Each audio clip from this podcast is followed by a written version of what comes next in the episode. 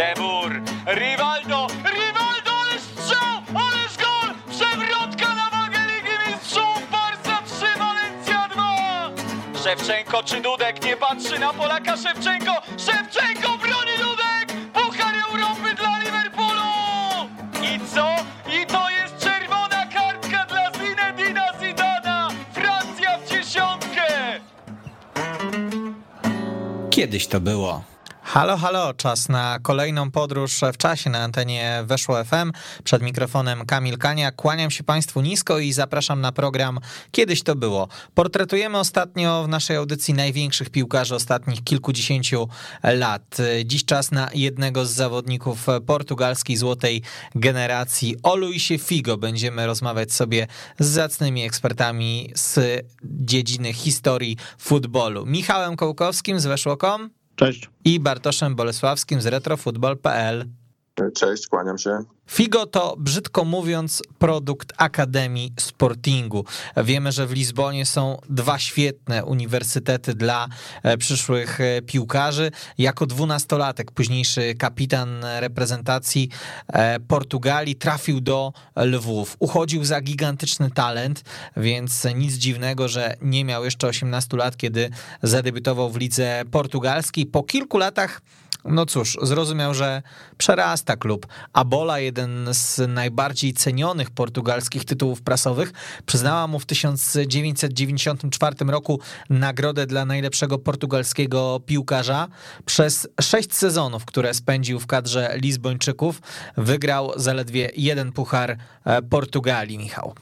Tak, to nie był okres e, wielkich sukcesów e, Sportingu, pomimo właśnie tego, że E, że sam Figo wyrósł na, na gwiazdę tego zespołu dosyć szybko i w dosyć imponującym stylu. Generalnie mówimy w futbolu portugalskim o wielkiej trójce klubów, które trzęsą tymi rozgrywkami, czyli o FC Porto, o Benfice, a także o Sportingu.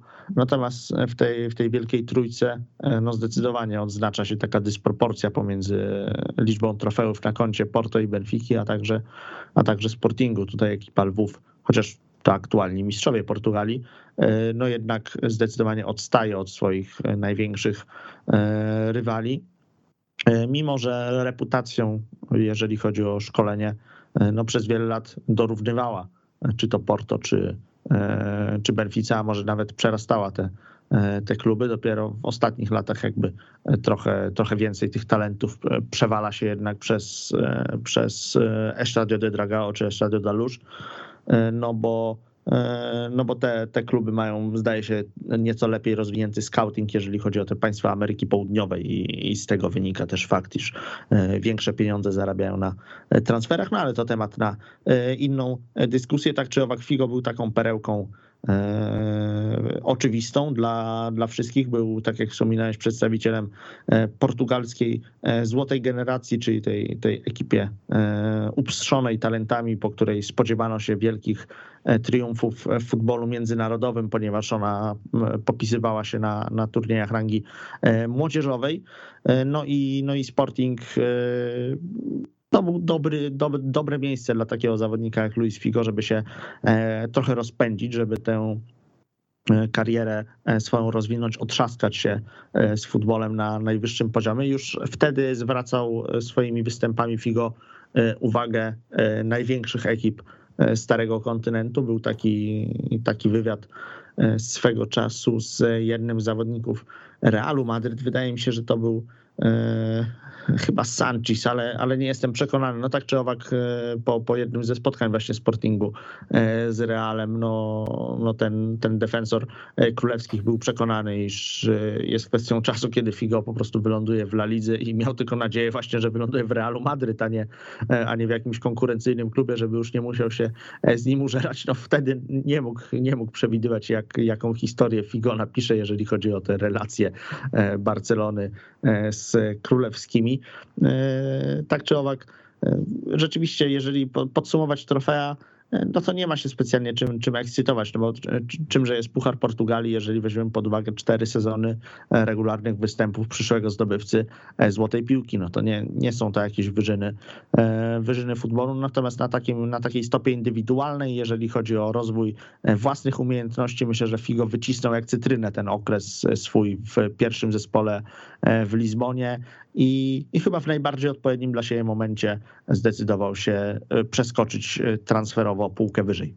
No jeśli mówimy, mówimy o, Luisie Figo, to taka na początku może anegdotka, że to jest taki piłkarz, który zawsze mi się kojarzył, y, że wygląda na dużo starszego niż jest. Znaczy w sensie jak miał 18 lat, to już wygląda jakby miał 40 lat, a teraz ma już y, prawie 50 i, i też wygląda jakby miał te 40 parę. To tak zawsze mi się kojarzył, że taki e, jako taki bardzo dorosły człowiek, który nigdy nie miał tego okresu młodości. Natomiast ten okres młodości miał oczywiście wspaniały. No to jest już y, zahaczyło ten wątek Michał Złote pokolenie portugalskich piłkarzy, które dwa razy z rzędu zdobyło Mistrzostwo Świata u20, 89-91. Akurat Figo y, w tym drugim mistrzostwie patrzał palce.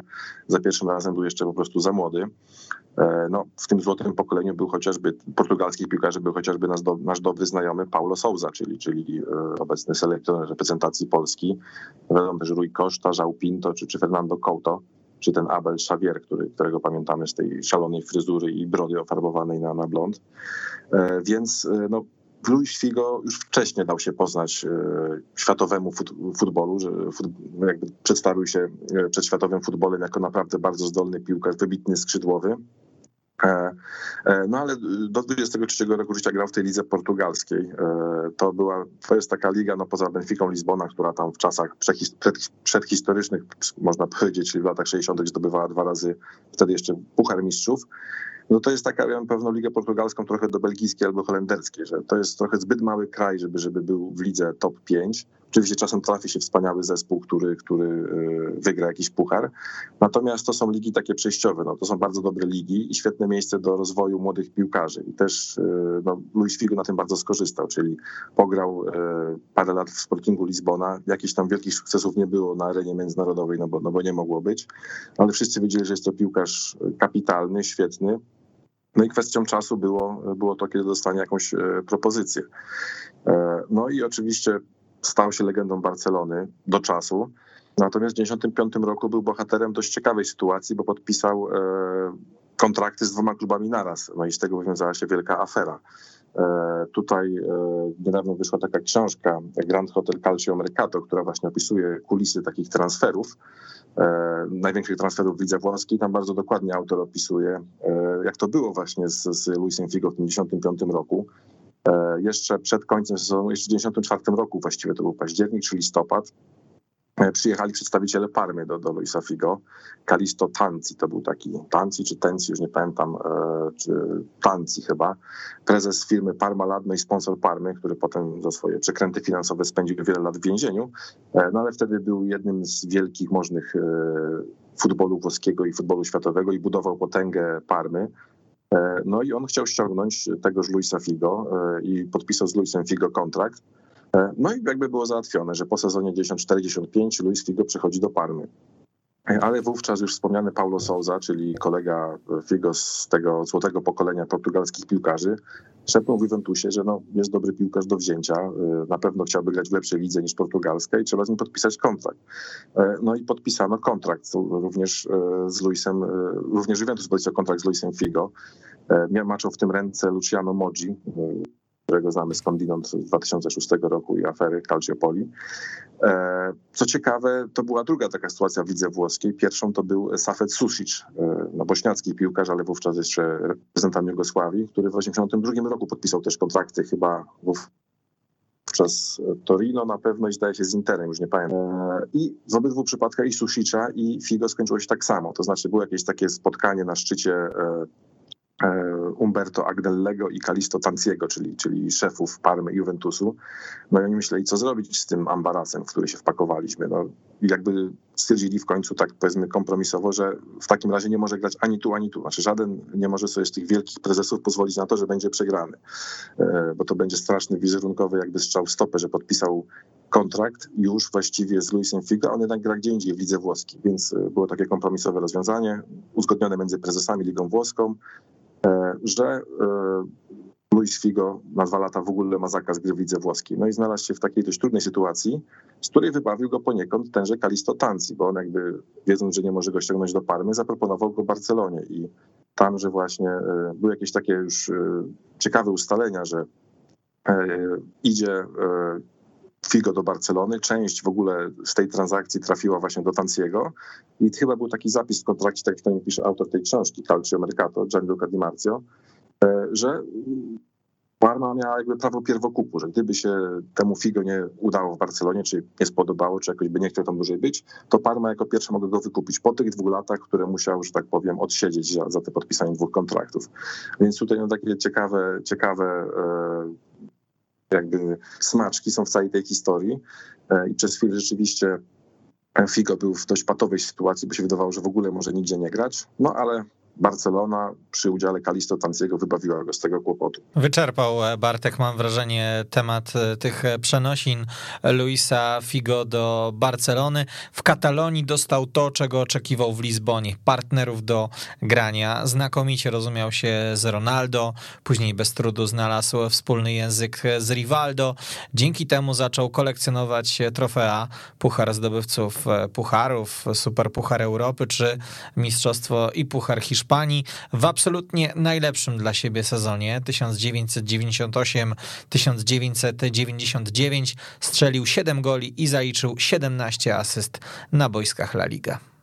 No tak, e, Trzeba powiedzieć, że y, Figo trafiając do Barcelony mógł się czuć trochę rozczarowany, ponieważ jednak największym wyzwaniem w tamtym okresie historii futbolu były występy e, w Serie A. No, można sobie wyobrazić, że dzisiaj jakiś e, piłkarz jest nakręcony na, na grę w Premier League, a jednak e, musi się zadowolić. No dzisiaj na przykład występami w Serie A też mógłby odczuwać pewne rozgoryczenie, mimo że no, tu wielka liga i tu wielka liga, ale no, taka nutka nutka zawodu mogła, mogła być, że nie będzie się rywalizować e, w rozgrywkach, gdzie w zasadzie w połowie klubów grają gwiazdy e, światowego e, formatu.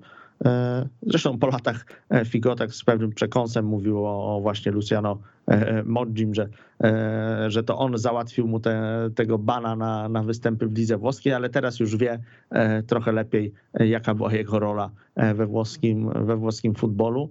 No, no tak czy owak myślę, że suma summarum przenosiny do Barcelony okazały się dla, dla Portugalczyka jak najbardziej trafionym, trafionym ruchem, trafionym kierunkiem. No tam ewidentnie rozkwitł, chociaż trzeba powiedzieć, że on nigdy nie był pierwszoplanową pierwszoplanowym liderem e, Barcelony, to znaczy nigdy, no, e, generalnie, bo kiedy, kiedy w drużynie z Katalonii występował Ronaldo, e, no to wiadomo, wszystkie reflektory skupiły się na nim. Kiedy grał tam Rivaldo, to też jednak on uchodził za postać numer jeden, za gwiazdę numer jeden ekipy z Camp Nou Figo, natomiast był zawsze taką, taką trochę drugą opcją w ofensywie, natomiast niezwykle e, solidną. Mi się zdaje, że on miał troszeczkę te, takiego pecha, jeżeli to tak można ująć, że, że te swoje fantastyczne sezony rozgrywał w latach 90., kiedy jeszcze e, aż takiej wagi nie przywiązywano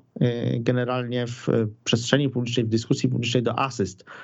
One, one dopiero później jako taka, taka ciekawostka się, się zaczęły być bardziej eksponowane. No dzisiaj wiadomo, mamy już dostęp do tak zwanych zaawansowanych statystyk, że klasyfikacja kanadyjska, jeżeli ktoś się na niej opiera, e, no to w zasadzie uchodzi za jakiegoś tutaj e, ignoranta, przywiązując zbyt dużą wagę do, do, do liczby bramek czy, e, czy asyst. No natomiast wydaje mi się, że, że w tym prime Figo właśnie w Barcelonie, to ile on asystował mogło, mogło umykać, bo nie było, nie było, nie było, nie było żadnego profilu na Twitterze spod szyldu Opta, który by cały czas punktował te jego rekordy. Tymczasem on dogrywał naprawdę mnóstwo e, bramek. Był wymarzonym wręcz, wręcz partnerem dla, e, dla, dla napastników, ponieważ dośrodkowania miał e, kapitalne. No i jego fenomen przede wszystkim polegał na tym, że mógł rozwiązać akcję no dwojako, tak? Czyli bo dysponował fantastycznym uderzeniem z dystansu i cały czas obrońcy musieli mieć to, e, mieć to z tyłu głowy, że, że jak ten Figo e, pokusi się o uderzenie, to, to mogą być kłopoty. No natomiast z drugiej strony dysponował też świetnie ułożoną nogą, jeżeli chodzi o, o wrzutki. W zasadzie nigdy nie można było e, tutaj rozkminić, na co się, na co się Figo zdecyduje pewnym tylko takim jakby, e, o jeszcze trzeba dodać, że też był zawodnikiem no takim e, okazem zdrowia, no, no, no koniem do, do grania, ponieważ rozgrywanie 50 spotkań w sezonie to, to był właściwie, dla niego, dla niego standard. Także to też miało, miało swoje znaczenie, że, że drużyna po prostu cały czas mogła na niego liczyć, tak? Nie, nie, nie wypadał z gry, był dostępny nieustannie we, na wszystkich rozgrywkach, we wszystkich frontach. No i Barcelona święciła z nim w składzie triumfy, bo to były dwa, i dwa Mistrzostwa Hiszpanii, dwa Puchary Króla i ten Puchar Zdobywców Pucharów wspomniany w 97 roku. Natomiast też nie sposób nie zauważyć, że nie była to aż tak dobra drużyna jak ta w pierwszej połowie lat 90., która e, no, uświetniła jakby swój, swój okres prosperity e, triumfem e, w Pucharze Europy. Tutaj Katalończycy w Lidze Mistrzów wręcz rozczarowywali, odpadając regularnie nawet w fazie grupowej tych rozgrywek, czy też w ogóle gdzieś tam w przedbiegach. No to był taki, taka, taka łyżka dziegciu w beczce tego, tego katalońskiego miodu, że, że cały czas porównywano drużynę Van Hala do drużyny Cruyffa. No i to porównanie E, nie wypadało aż tak korzystnie, jak pewnie Figo e, by sobie tego, e, tego życzył. I być może to też był jeden z argumentów, dla których Portugalczyk postanowił na początku, na przełomie wieków szukać nowych wyzwań.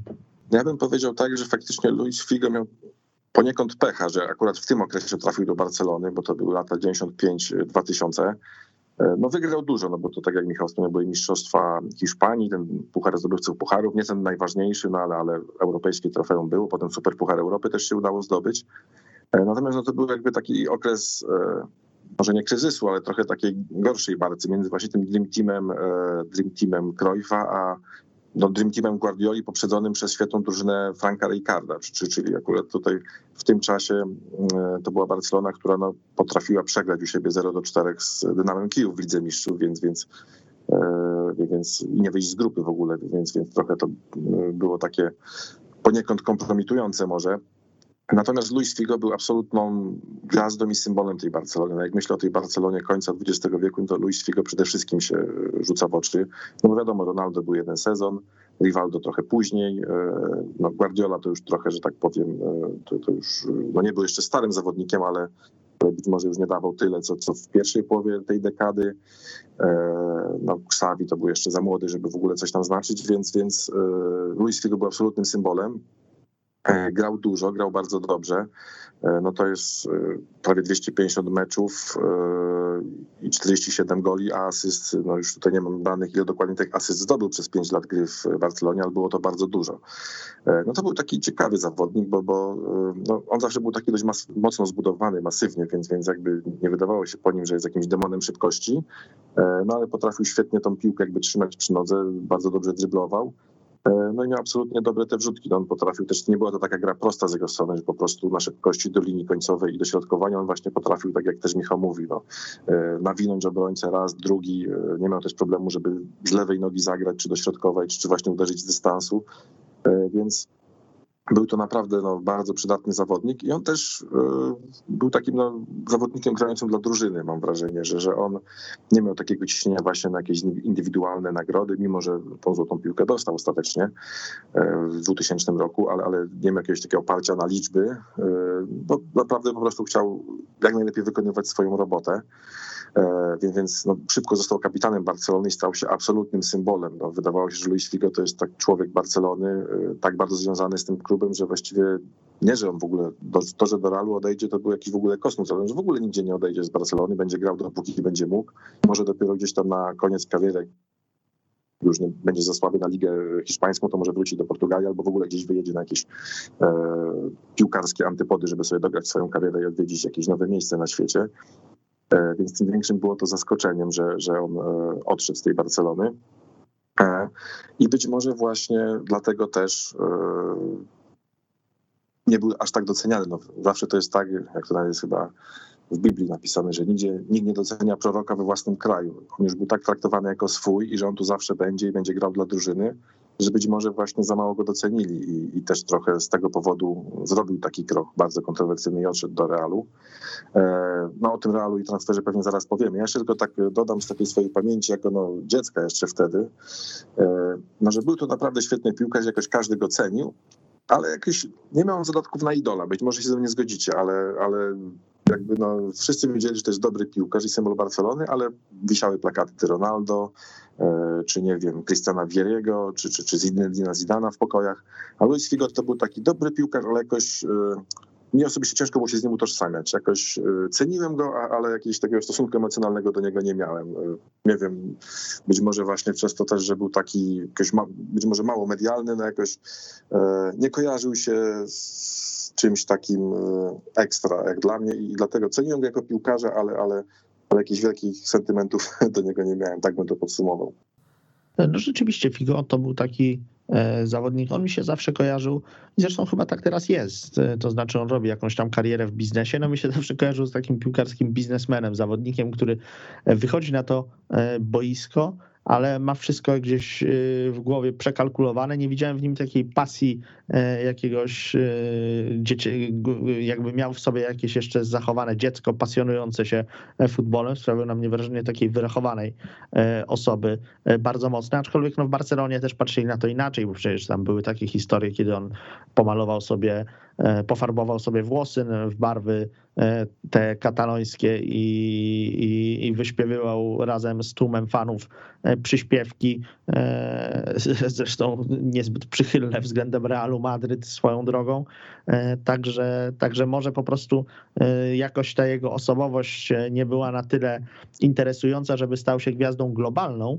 To znaczy, gwiazdą się oczywiście stał, ale idolem globalnym, o w ten sposób to, to ujmę. Natomiast no, w skali gdzieś tam hiszpańskiej ekstraklasy, a zwłaszcza Katalonii, to, to sądzę, że, że spojrzenie na niego było znacznie cieplejsze. Przełomowy dla kariery Luisa Figo był rok 2000, który na zawsze dopiął mu łatkę chciwego zdrajcy. Kochany w stolicy Katalonii Portugalczyk trafił do Realu Madryt jako pierwszy członek legendarnego projektu Galacticos, nowego prezydenta Florentino Pereza. W ten sposób stracił uznanie w Barcelonie, a nigdy nie był naprawdę kochany również w Madrycie. Sam Perez kompletnie nie szanował Figo, choć to dzięki jego transferowi zyskał aprobatę Socios, uważał go po prostu za nielojalnego. Po latach Portugalczyk tłumaczył, że podjął rozmowy z Realem, żeby mieć lepszą kartę przetargową w negocjacjach z Barceloną, ale mało kto chciał już wtedy słuchać tych usprawiedliwień. Na wstępie pobił swój rekord asyst z Barcelony. W pierwszym sezonie zdobył 8 bramek i zaliczył aż 18 ostatnich podań na boiskach Primera Division. Wygrał Ligę Mistrzów i dołożył kolejne tytuły mistrzowskie, ale galaktyczny projekt nie przynosił takich sukcesów, jakich oczekiwał Florentino Perez, na jakie liczyli też fani Realu Madryt, mając taki gwiazdozbiór w szatni. Jego umowy po sezonie 2004-2005 nie przedłużono. Wystarczył jeden słabszy sezon, by zdecydowano o odstrzeleniu Portugalczyka, dla mnie stał się kozłem ofiarnym, którego Perez postanowił poświęcić niespecjalnie mnie dziwi, że poświęcił właśnie jego. No tak, zrezygnował najpierw z tego, e, swoje, z tego galaktycznego podopiecznego, e, którego e, najmniej cenił, którego najmniej szanował, no bo nie ma wątpliwości, że Perez był jako pasjonat futbolu zakochany w Zidanie, uwielbiał Ronaldo, podobnie jak Beckhama, choć jego chyba jeszcze bardziej ze względu na pewną wartość marketingową, jaką wnosił do, e, do królewskich. Natomiast Figo e, był mu potrzebny właśnie po to, żeby, żeby po prostu zostać prezesem Realu, żeby sprawić tę sensację w wyborach i obalić poprzedniego prezydenta, który dwukrotnie doprowadził królewskich do triumfu w Lidze Mistrzów i wydawał się z tego względu mieć zapewnioną reelekcję. No natomiast Socios e, pokazali, że e, większą wartość ma dla nich wyrwanie e, gwiazdy z Barcelony niż zwycięstwo w najcenniejszych, najbardziej prestiżowych europejskich rozgrywkach, co też wiele nam mówi o, o tej katalońsko-kastylijskiej rywalizacji i temperaturze, jaka jej od zawsze towarzyszy. No i Perez posłużył się Luisem Figo E, wyszło mu to, to bardzo zgrabnie, cała intryga się udała. Portugalczyk różne przedstawiał wersje wydarzeń, bo, bo czasami zrzucał całą winę na swojego agenta, czasami mówił, że on faktycznie e, właśnie chciał podjąć taką podwójną grę z Realem, żeby bardziej doceniono go nową umową e, w Barcelonie. No, wyszło jak wyszło, a wyszło tak, że ciskano w niego z trybun Camp Nou nie tylko telefonami, nie tylko monetami, nie tylko kubkami z piwem, ale, ale i świńskim łbem, co, co jest taką jedną z najbardziej e, symbolicznych, ikonicznych e, chwil e, w całej historii El Clasico. No trzeba jednak powiedzieć, że tak z czysto sportowego punktu widzenia to Figo generalnie się w Realu sprawdził i zwłaszcza ten jego początek był, e, był fantastyczny. No, pamiętajmy, że, e, że królewscy w Lidze Mistrzów w, tej, tej swoim, w tym swoim galaktycznym wydaniu zwyciężyli tylko raz w 2002 roku i wtedy jeszcze tam nie było ani Ronaldo, ani nie było Beckhama, ani tym bardziej Owena i, e, i reszty Ferajny. To była drużyna zbudowana wokół Raula Gonzaleza w ofensywie, wokół Zinedina Zidana i właśnie Luisa Figo i to oni poprowadzili e, Real na, na szczyt i, i można powiedzieć, że, że portugalski skrzydłowy e, tę swoją fantastyczną karierę klubową wtedy, wtedy niejako spuentował najcenniejszym z możliwych triumfów. I, i był, był dla Realu wielką, wielką postacią, wielkim liderem. Rzeczywiście szybko z niego zrezygnowano. Pewnie, pewnie na, to, na to nie zasłużył, chociaż z drugiej strony można powiedzieć, że tak tę swoją karierę E, poprowadził, już mógł się e, spodziewać, że, że prędzej czy później, że, że w tym realu aż tak, e, aż takiej miłości nie wzbudzi, chociaż tak generalnie myślę, że, że największy problem Figo polegałby na tym, gdyby on gdzieś nie radził sobie w tym, w tym życiu poza, poza piłkarskim, post, postzawodniczym, no bo, no bo tak naprawdę E, często, często ci byli piłkarze, którzy trochę nie potrafią dla siebie znaleźć miejsca, to zostają takimi ambasadorami e, klubu. No i, no i tam jeżdżą po świecie na, na różne wykłady, pogadanki. No taką postacią jest Roberto Carlos, który ma tam chyba 17 dzieci z 20 różnymi partnerkami i żeby na te alimenty wszystkie wydoić, to, e, to musi cisnąć po, po całym globie i, i opowiadać różne historyjki. No Figo nie ma takiej konieczności, bo, bo myślę, że on nie mógłby być ambasadorem ambasadorem żadnego klubu, no chyba, że Sportingu, no bo ani jako przedstawiciel Realu Madryt tak za bardzo by to coś by zawsze zgrzytało, e, gdyby, gdyby występował e, w tym charakterze. E, no i tym bardziej, tym bardziej w Barcelonie, chociaż w obu tych klubach przecież święcił niesamowite sukcesy. W obu tych klubach rozegrał setki, setki meczów, zdobył dziesiątki goli i zanotował pewnie też setki asyst. No natomiast chyba ani kibice Barcelony, ani Realu nie, nie traktują go dzisiaj jako swojego. Jest taki trochę niczyj w tej, w tej, w tej całej kotłowaninie emocji. No ja myślę, że kibice Barcelony mimo tych 21 lat wciąż traktują go jako wroga publicznego numer jeden, bo e, no jak tak e, jakby ogarniam całą swoją świadomość to od kiedy mam świadomość i obserwuję świat piłki nożnej, czy też czytam o tych czasach, których nie mogłem pamiętać, no to chyba aż takiego skandalizującego transferu to nigdy nie było. No, no jak sobie tak, były różne skandale, no chociażby w polskiej lidze, jak pamiętam, jak Paweł Kaczorowski przyszedł z Lecha do Legii i kibice go nigdy nie zaakceptowali i w końcu go wypchnęli z Legii, oczywiście zachowując wszelkie proporcje, czy w innych ligach też były jakieś takie kontrowersyjne transfery, to nie wiem, Ashley Cole z Arsenalu do, do, do Chelsea, no, ale takiego skandalu i takich emocji to chyba nigdy nie było jak w, w, po raz pierwszy Figo przyjechał z, Barce, z Realem grać z Barceloną, to co mówił Michał, te słynne e, świński ryj rzucony pod nogi, jak dwa telefony komórkowe w niego poleciały, no masa rzeczy, oczywiście masa monet, e, on tam nie mógł rzutu różnego wykonać, e, chyba 15 minut trwało, zanim się doprowadziło to do porządku. Nawet Carles Puyol, no symbol Barcelony, który uspokajał kibiców, nie był w stanie ich uspokoić. E, także to pokazuje, jak, jak wielka była ta nienawiść e, do, do, do Luisa Figo i, i właściwie chyba chyba nic nie przebije tej nienawiści. tak myślę, że on, to jest żadra, która boli kibiców Barcelony do dziś. E, natomiast wracając do tego transferu, no to tutaj chyba jakieś naprawdę porządne dziennikarskie śledztwo trzeba było by zrobić, żeby ustalić, jak to ostatecznie było, no bo tutaj każdy miał swoją wersję. Oczywiście no pewnym jest, że Figo był wielką kartą przetargową Fiorentino Pereza, który w sumie miał wtedy jeszcze małe szanse dojść na to, żeby zostać prezesem Realu. A żeby jednak tych e, kibiców czy, czy Radę Nadzorczą przekonać, musiał no, coś naprawdę ekstra obiecać. No więc e, wyjęcie wtedy, e, w prime time, no Figo miał wtedy 28 lat, wyjęcie Figo z Barcelony to było coś takiego jak wyjęcie Messiego w 2015 roku po, po trzeciej lidze mistrzów z Barcelony do Realu. No, coś niewyobrażalnego. No, teraz wszyscy są zbulwersowani, że Messi przyszedł do Paris Saint-Germain, no, ale, ale jakby on przyszedł do Realu i to nie teraz, kiedy już, już po 30, tylko w swoim najlepszym czasie, to byłaby kompletna bomba, więc y, nikt za bardzo w to nie wierzył. No, myśleli, że o, w czasie kampanii wyborczej to wiemy nie tylko z piłki nożnej, można obiecać wszystko i papier wszystko przyjmie, czy mikrofon, no, ale nikt to za bardzo nie wierzył. Ponoć były takie jakieś ustalenia, czy nawet zapisy właśnie Fiorentino z Figo, e, no, że Figo obiecał Perezowi, że on zostanie e, prezesem Realu, to on pójdzie, a gdyby się na to nie zgodził, to miał jakieś, jakieś odszkodowanie zapłacić e, Perezowi. Z kolei gdyby Perez nie został prezesem, to on miał jakieś odszkodowanie zapłacić Luisowi Figo. Ponoć Figo się tłumaczył po latach, że podpisał taki papier, no bo kompletnie nie wierzył w to, że Fiorentino Perez może być zostać prezesem Realu, a zawsze te parę milionów mogło wpaść, no bo tak jak mówiłem, był, był taki zapis, że jeśli Fiorentina nie zostanie tym prezesem, to to jakieś odszkodowanie musi Figo zapłacić. Także tu to podejście biznesowe, o którym mówił Michał, by się sprawdzało.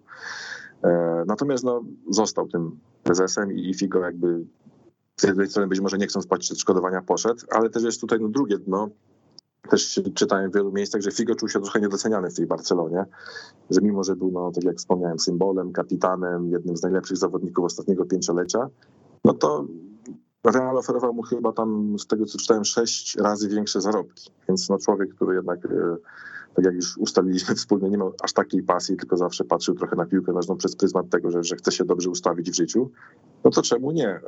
To jest ten drugi argument, że, że po prostu no, kwestia finansowa była tu bardzo ważna.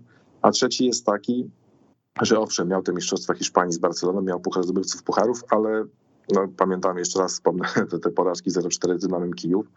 No Barcelonie nie szło wtedy w Lidze Mistrzów, więc y, być może czuł, że już no 28 lat, już ten prime powoli będzie przemijał, więc ma raptem te 2-3 lata, żeby jeszcze Ligę Mistrzów wygrać, czyli to uprawnione dla każdego piłkarza trofeum. To też na pewno y, go motywowało do tego, żeby przejść do Realu.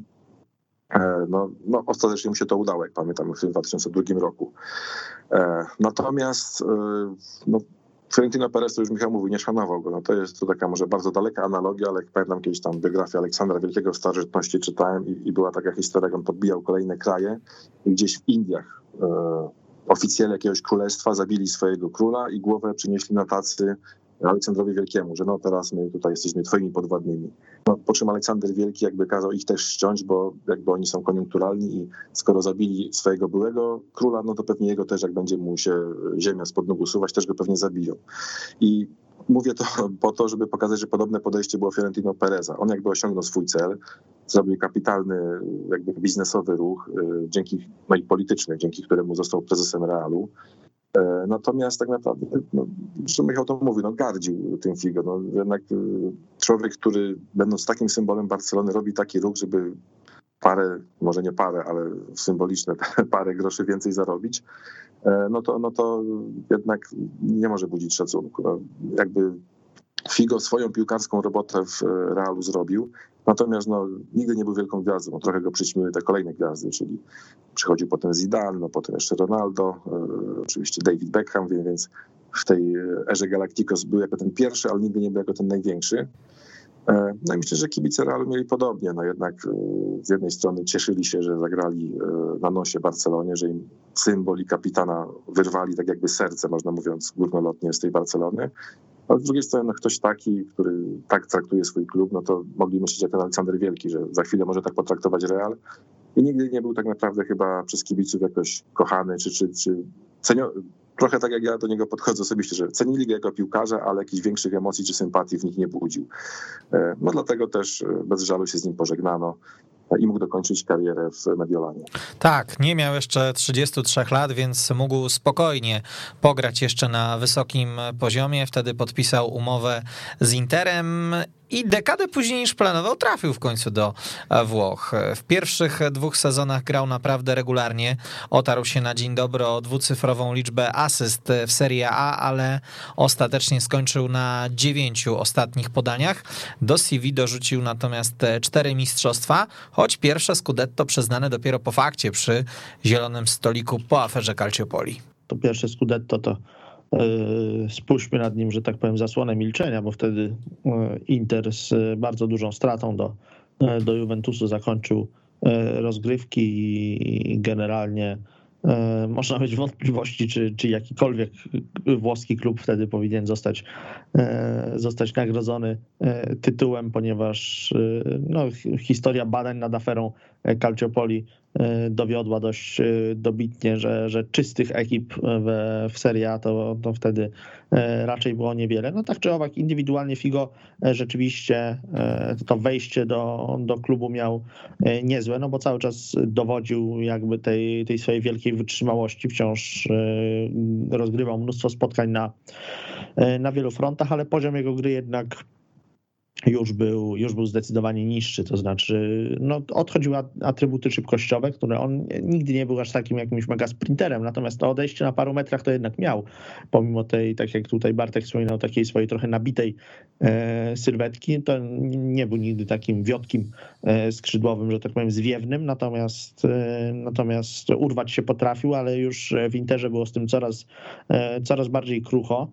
No, sezon 2006-2007 można tak z perspektywy uznać za, za najlepszy dla niego e, w klubie, no bo grał wtedy regularnie Inter e, w wielkim stylu, wygrał e, mistrzostwo zbliżając się do 100 punktów w lidze. Wtedy, wtedy mediolańska ekipa wyrastała na taką potęgę numer jeden e, w Serie A, bo wiadomo, że, że Juventus zaliczył bolesny upadek, Milan się e, pomału sypał, a, a pozostali oponenci tacy jak Roma, czy, czy Palermo, czy, czy Lazio, no nie byli w stanie po prostu na polu finansowym rywalizować wówczas z Nerazzurimi. I Figo na tym początkowym etapie jakby budowy potęgi Interu e, był, był piłkarzem niewątpliwie przydatnym, ponieważ, e, ponieważ e, no, nadał trochę splendoru, te, wprowadził taki klimat te, takiej postaci, która, która przeniosła się z galaktycznego Realu. No, miało, to, miało to swój wymiar, ale też już te ostatnie lata Portugalczyka, bo on karierę skończył ostatecznie dopiero w 2009 roku, czyli, czyli, czyli już miał na karku, e, niech no e, policzę 37 lat, tak? E, I, i to był cień, cień dawnego, dawnego gwiazdora niewątpliwie. Ta, ta jego przygoda ze, ze wszystkich no, na pewno najmniej imponująca, nawet biorąc pod uwagę, że dużo więcej wygrał w Interze niż, niż w Sportingu, no to, no to myślę, że, że jeżeli chodzi o taki poziom swojej gry, no to już nie było to samo, to już było takie, takie powolne e, schodzenie ze sceny. Zresztą pamiętam, że kibice Interu chyba e, trochę, trochę byli niepocieszeni w ogóle, że ten Figo jeszcze się tam gdzieś kręci. E, oni chyba również aż, aż tak mocno się w, nim, się w nim nigdy nie rozkochali, mimo że no tak właśnie to jest trochę charakterystyczne dla Figo. Wielu weteranów, gdyby, gdyby trafiło właśnie do takiego klubu, pewnie zostałoby pożegnanymi z jakimiś gigantycznymi fanfarami. Wydaje mi się, że, że Figo aż tak y, ciepłego pożegnania się y, nie doczekał. No, może żałować, że jeszcze tam trochę zdrowia więcej mu, czy tam paliwa w baku nie zostało, no bo, no bo umknął mu ten sezon 2009-10, kiedy, kiedy Mediolańczycy pod wodzą Jose Mourinho sięgnęli po, po triumf w Lidze Mistrzów. Pewnie wielkiej roli w tych rozgrywkach by Figo nie odegrał, ale Mourinho generalnie wtedy lubił e, pracować z weteranami, miał ich w swojej kadrze całe mnóstwo.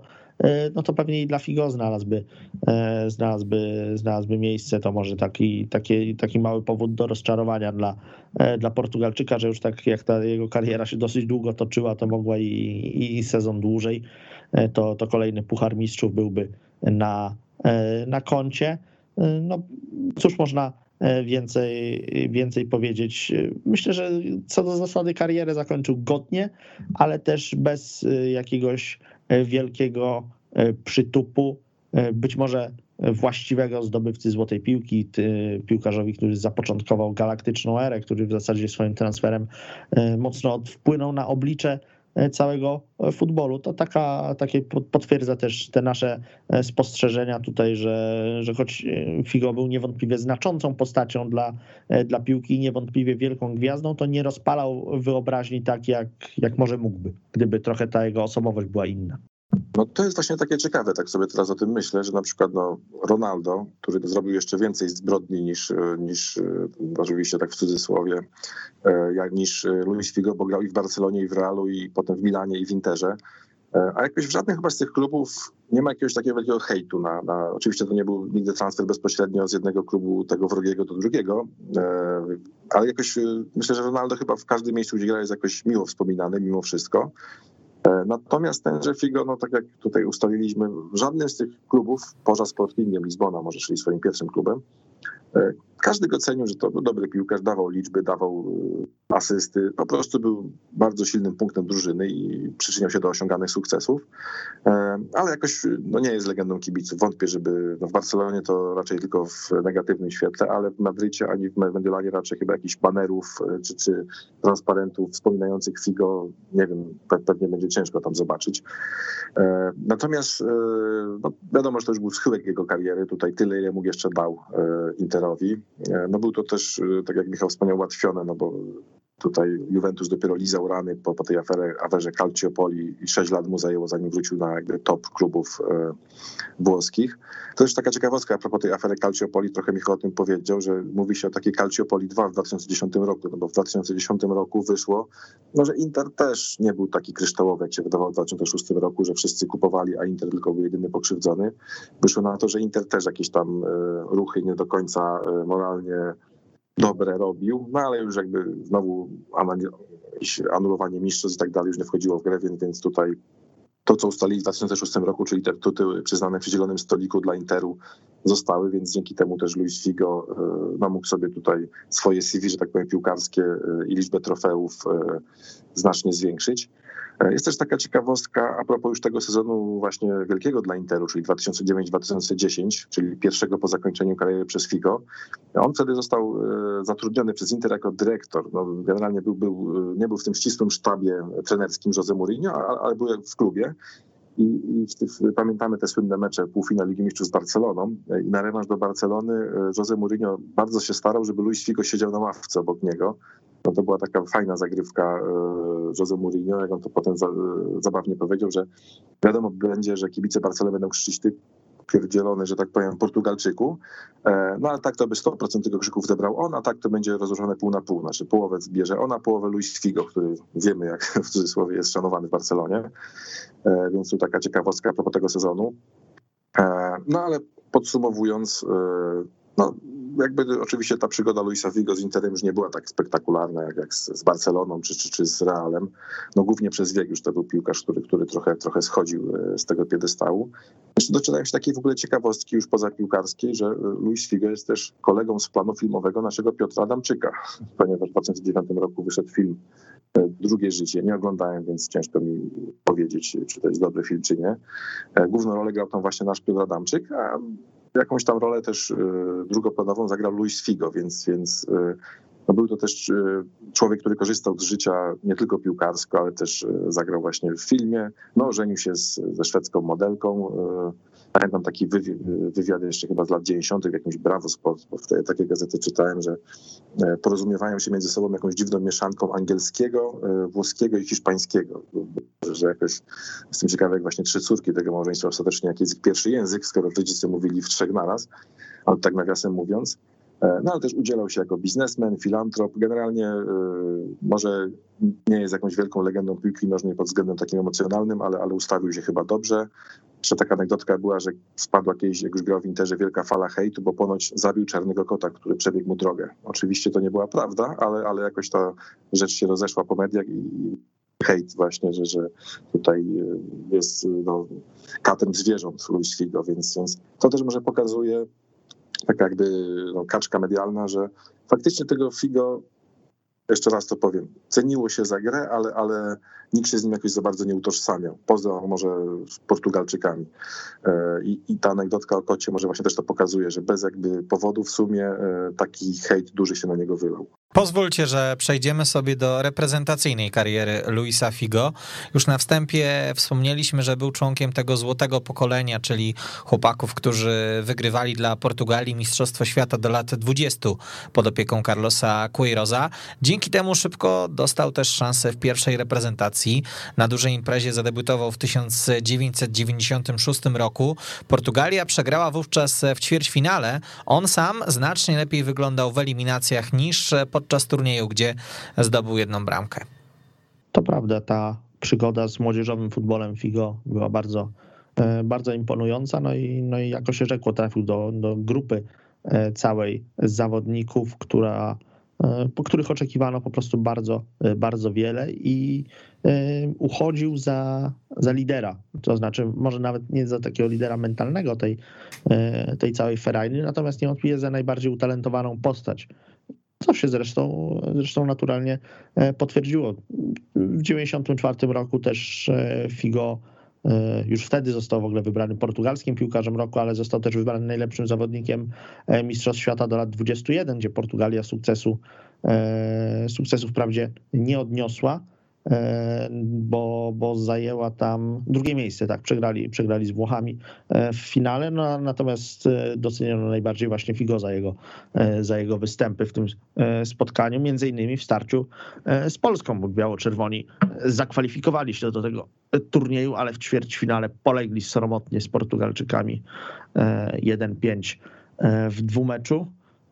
No i, no i tyle było tych naszych E, naszych młodzieżowych e, podbojów.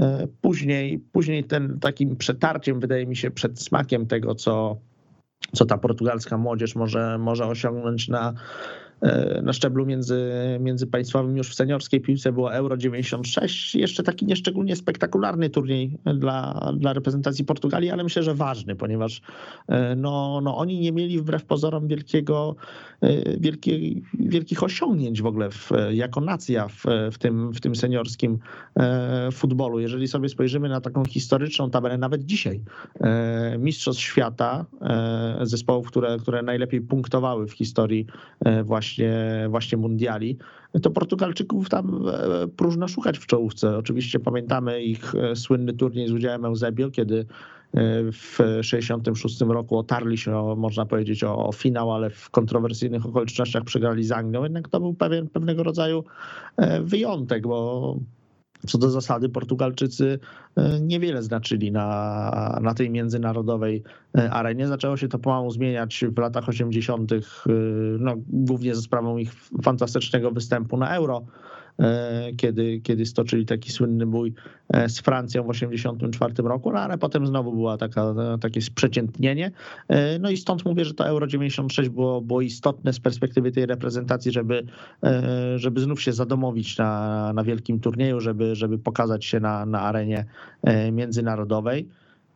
No i, no i wydawało się, że cała para w gwizdek, tak? ponieważ eliminacje do, do Mistrzostw Świata w 1998 roku zakończyły się po prostu dla reprezentacji Portugalii rozczarowaniem, niepowodzeniem. No i, no i dopiero, dopiero później ta, ta drużyna zaczęła zaczęła się, że tak powiem, pozytywnie realizować na, w turniejowych realiach. Trochę to za tym potrwało, zanim ta złota generacja no, no zaczęła, zaczęła potwierdzać swoją reputację zdobytą w futbolu młodzieżowym, e, również w piłce seniorskiej. No ja taką małą analogię widzę też między Portugalią lat 90. a Polską, e, w sensie takim, że tutaj no, mówiliśmy o tych dwóch wielkich sukcesach złotego pokolenia, czyli 89-91, dwa Mistrzostwa Świata U20 Portugalii E, no i kibice się spodziewali, no to za chwilę zaczniemy też w piłce seniorskiej coś zdobywać. My mieliśmy trochę tak samo, jak e, kadra Janusza Wójcika zdobyła srebrny medal w Barcelonie, no i to słynne hasło Kowala, zmieniamy szyld i jedziemy dalej. Też się wydawało, no to bierzemy tam, zostawmy dwóch czy trzech starszych zawodników, bierzemy tych chłopaków Wójcika i teraz już będziemy grać na wielkich turniejach, osiągać sukcesy. No jakby i tu, i tu życie pokazało, że ten przeskok z futbolu młodzieżowego do, do seniorskiego, czyli tego prawdziwego, jest jednak nie taki łatwy i tutaj trzeba poczekać. No i Portugalczycy też czekali właściwie 10 lat, no bo dopiero na Euro 2000 osiągnęli duży sukces. W 1996 roku e, odpadli w ćwierćfinale po meczu z Czechami. To była przepiękna bramka Karela Poborskiego. Do tej pory, jak oglądam te powtórki, to się zastanawiam, jak on to zrobił, że, że tak pięknie, takiego pięknego loba puścił, że, że Wiktor Baja nie miał szans i ta bramka zadecydowała o tym, że Portugalczycy odpadli. Ale jakby chyba mi na pewno tam jakoś Portugalczyków wtedy nie było żal, bo to była, tak jak Michał wspomniał, taka jakaś niby dużo gwiazd, które osiągały sukcesy klubowe, ale jakoś e, jako reprezentacja nie zachwycali swoją grą. E, zachwycili dopiero w tymże 2000 roku, na 98 roku w ogóle nie pojechali, bo tak jak Michał wspomniał, przegrali eliminację.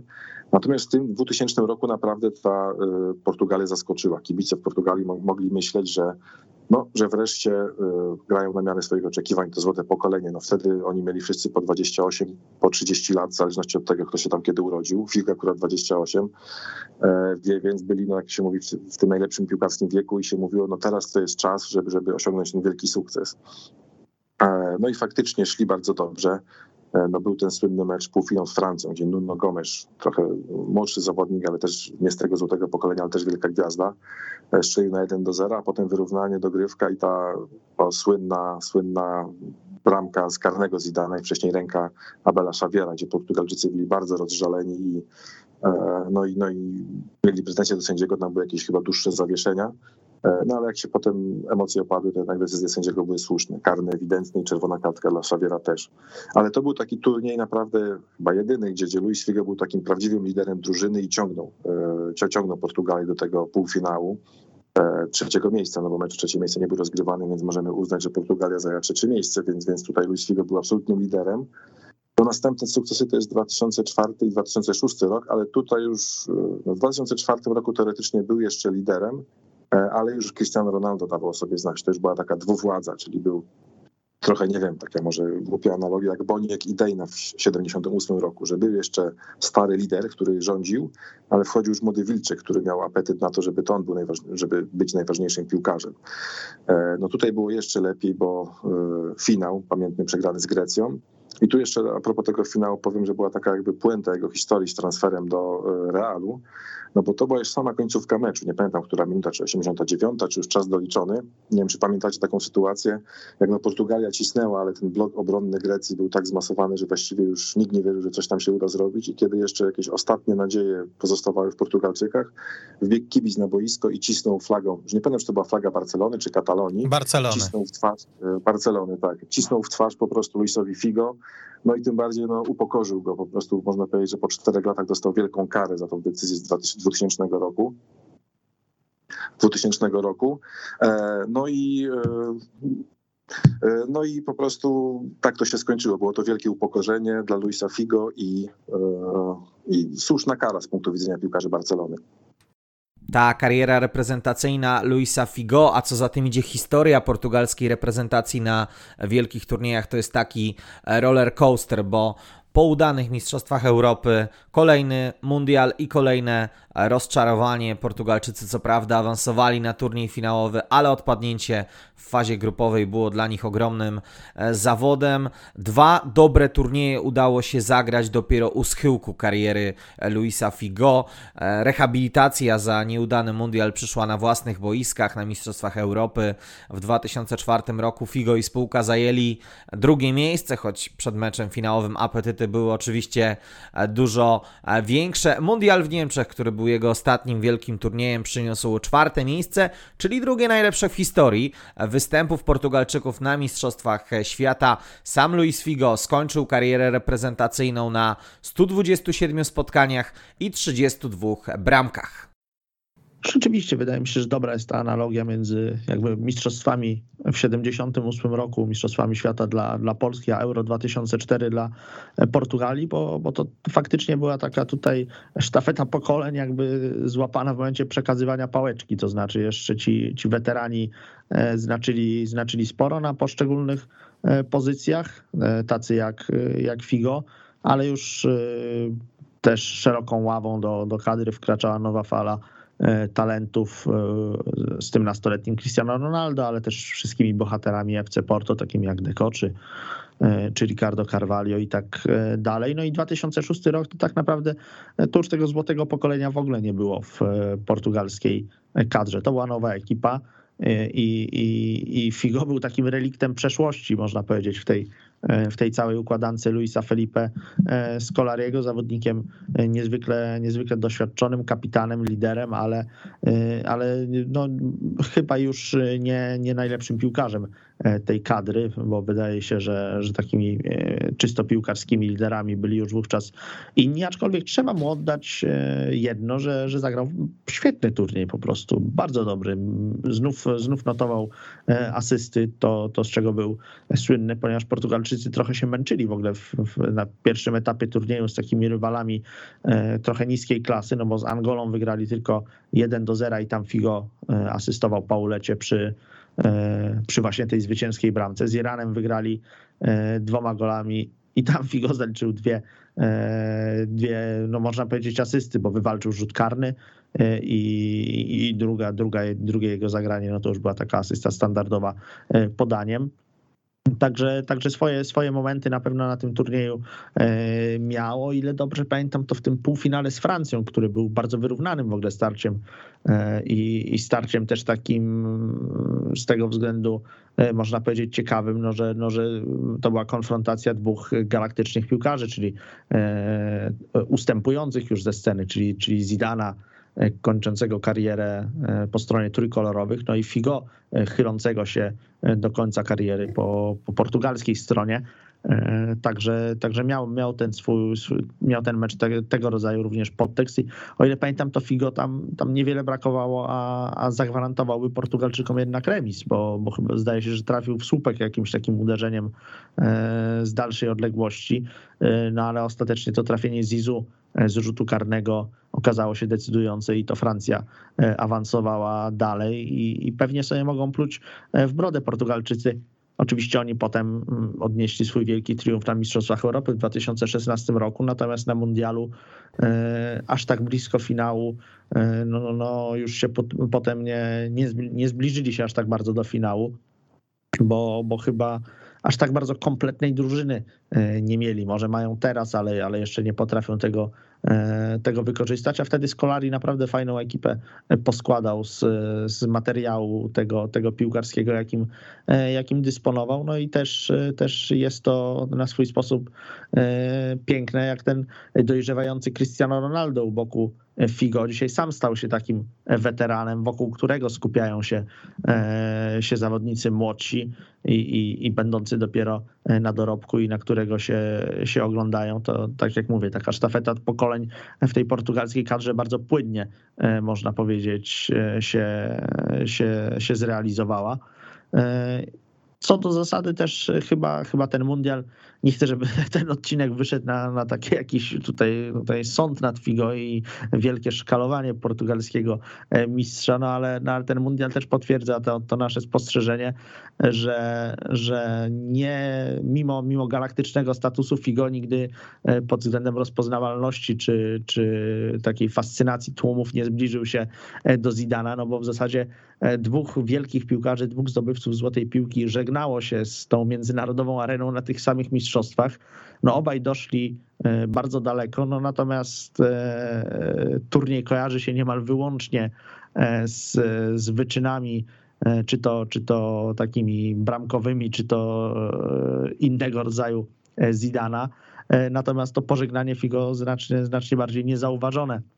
No na, na szczęście, przynajmniej w, w swoim kraju, portugalski skrzydłowy jest należycie doceniany, ponieważ e, no, tam ta jego, ta jego legenda jest niekwestionowana i pewnie już dzisiaj e, nie znajdzie się zbyt wielu kibiców, nawet jakichś boomerów, którzy cenią Figo wyżej od Cristiano Ronaldo, natomiast myślę, że gdzieś w hierarchii takiej historycznej najwybitniej, największych gwiazd w dziejach portugalskiego futbolu, no to, no to, no to Luis Figo plasuje się e, tylko za plecami Cristiano i tylko za plecami Eusebio. No ja widzę, że tutaj mamy podobne odczucie, że, że wszyscy trzej pewnie cenimy Figo jako piłkarza, ale jakichś wielkich emocji, czy miłości, czy zachwytu nie ma i być może faktycznie jego postawa, czy ten transfer do Realu, czy, czy ogólnie taka postawa biznesowa powiedzmy na to wpłynęła.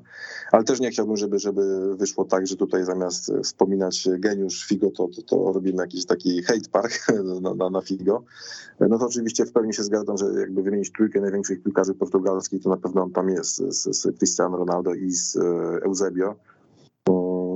Pewnie nie na pierwszym miejscu. No, Cristiano Ronaldo jeszcze gra, więc jeszcze może wiele osiągnąć, więc chyba już jest na pierwszym miejscu. Jak jeszcze coś wygra, to, to pewnie będzie zdecydowanie, więc pewnie Ronaldo, drugi Eusebio, trzeci Figo, tak bym to powiedział. E, ale wracając jeszcze do tego, tej przygody reprezentacyjnej, w ogóle teraz sobie świadomiłem, że zapomniałem o tym e, występie na Mundialu 2002. Wyparłem z pamięci to słynne 4-0 z Polską. E, no ale tam Portugalia nie zachwyciła, przegrała, nie wyszła z grupy, poza tym zwycięstwem z Polską nic nie wygrała. Tam też Wiktor Baja chyba z meczu ze Stanami Zjednoczonymi puścił, czy składają, już nie pamiętam, taką też jakąś trochę głupią bramkę i dlatego już potem pewnie w 2004 roku nie bronił. Mimo, że był w wysokiej formie i sportu zdobył mistrzostwo, e, wygrał Ligę Mistrzów. E, natomiast podsumowując już tutaj jakby dokonania Figo i ten jego last dance, takie popularne ostatnie słowo, czy, czyli ten Mundial 2006, on już w ogóle kończył karierę reprezentacyjną po 2004 roku i po tym no, chyba nieudanym ostatecznie, mimo że wicemistrzostwo Europy, nieudanym turnieju na własnych boiskach i po tym upokorzeniu, o którym wspomniałem, czyli to, to ciśnięcie flagi Barcelony w twarz przez jakiegoś kibica.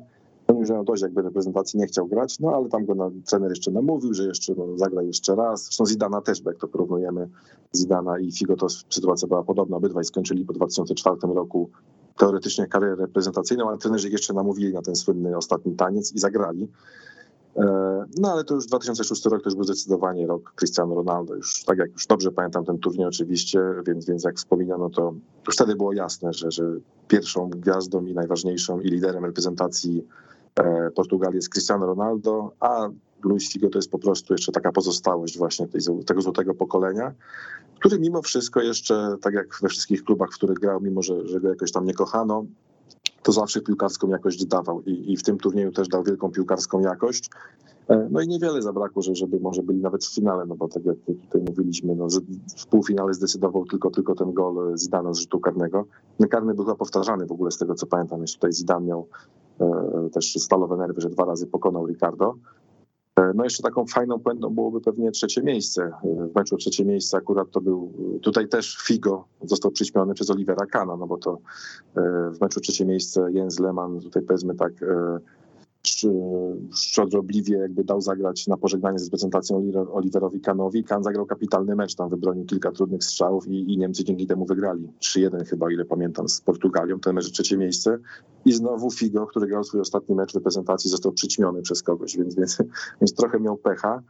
E, ale żeby tutaj, tak jak mówię, nie było żadnego hate parku, no był to jednak piłkarz wybitny, e, świetny skrzydłowy, jeden chyba z najlepszych w historii, nawet się pokuszał takie stwierdzenie skrzydłowych. E, to trzeba mu oddać, że na boisku w każdym klubie dawał jakość i dawał jakość reprezentacji Portugalii. E, a że jakoś może nie dał się polubić jako taki człowiek, czy jako taki pasjonat, czy miłośnik piłki nożnej, to już jest inna historia. Ale wielkim piłkarzem był i tutaj, tutaj nie ma dyskusji. Z bólem serca muszę powiedzieć wam, panowie, że musimy kończyć. Ubolewam nad tym. Piłkarską karierę Luisa Figo wspominaliśmy dzisiaj w składzie Bartosz Bolesławski, retrofutbol.pl, Wielkie dzięki, pozdrawiam. Michał Kołkowski, Weszło.com. Dzięki.